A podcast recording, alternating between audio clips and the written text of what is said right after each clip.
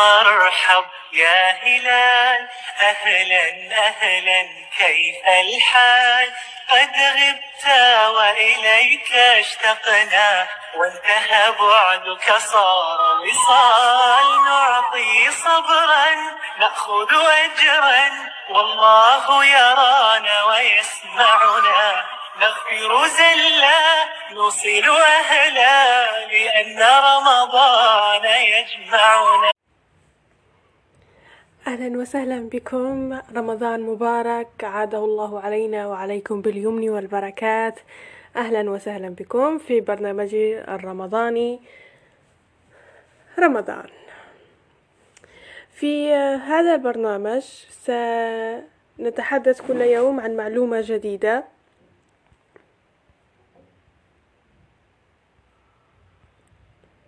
معلومة جديدة وسنة سنة مهجورة. ثم كل مرة و الجزء الثالث في كل مرة يختلف. حسنا الآن سنتحدث عن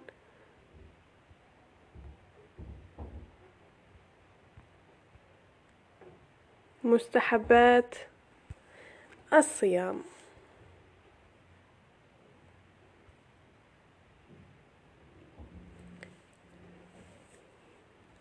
ذكرنا سابقا من العلوم التي يجب علينا معرفتها هي آداب الصوم وبالنسبة للنساء فقه الطهارة, فقه الطهارة وعلم التوحيد. نعم.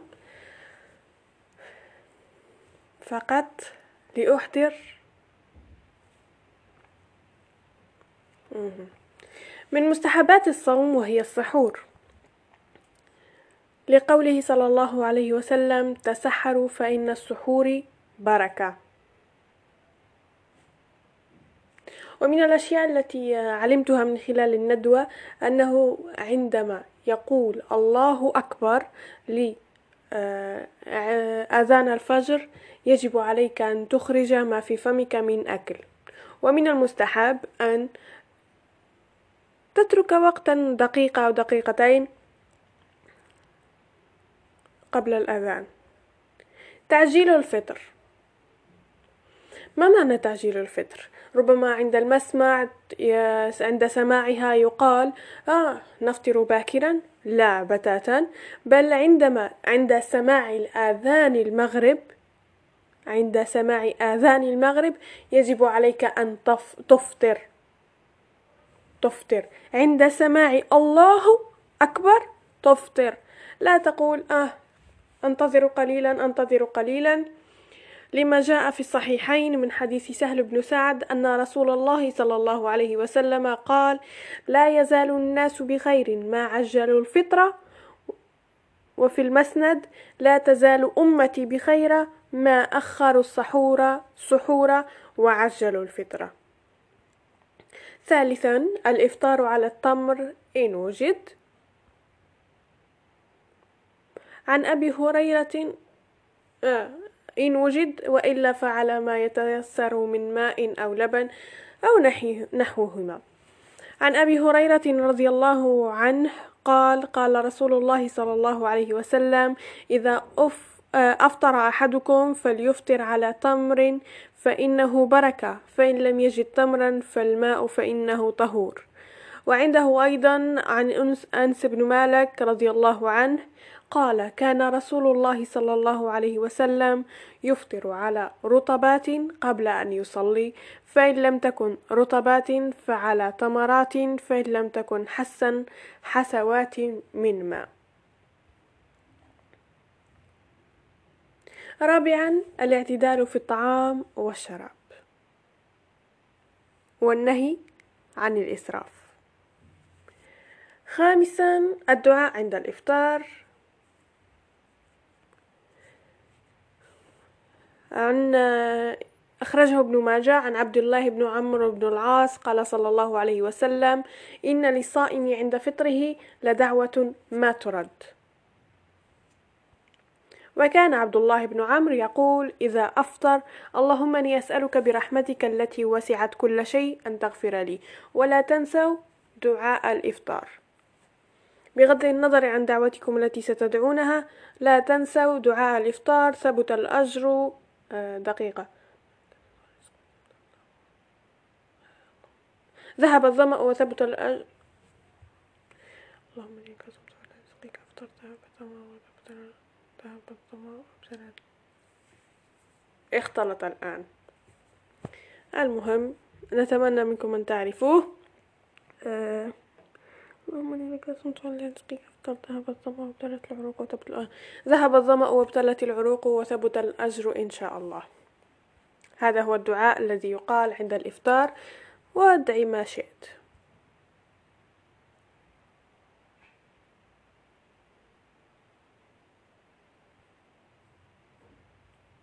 أيضا الإكثار من العبادة والصدقات والإحسان وصلة الأرحام وقراءة القرآن الكريم ونحوها من الطاعات والقربات.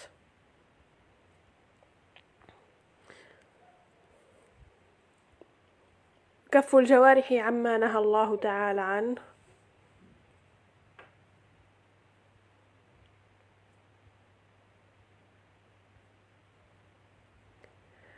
ومن المستحبات ومن مستحبات الصيام إلى السنة المهجورة. السنة المهجورة لليوم هي عند شرب الماء اجلسوا سموا بسم الله واشربوا على ثلاث. يعني ثلاث دفعات ثم احمدوا الله. في هذه الحلقة أنصحكم بمشاهدة الدرس الأسبوعي للداعية عمرو خالد على ما أظن الأسبوع الحادي عشر فقط اكتبوا في اليوتيوب الدرس الأسبوعي وسيخرج لكم بخصوص رمضان. نتمنى رمضان أن يكون هذه السنة مختلفا لكم عن بقية الرم... آه، آه، البقية التي مضت وأن تستغله أحسن استغلال أن تبتعدوا عن كل ما يضيع لكم أوقاتكم.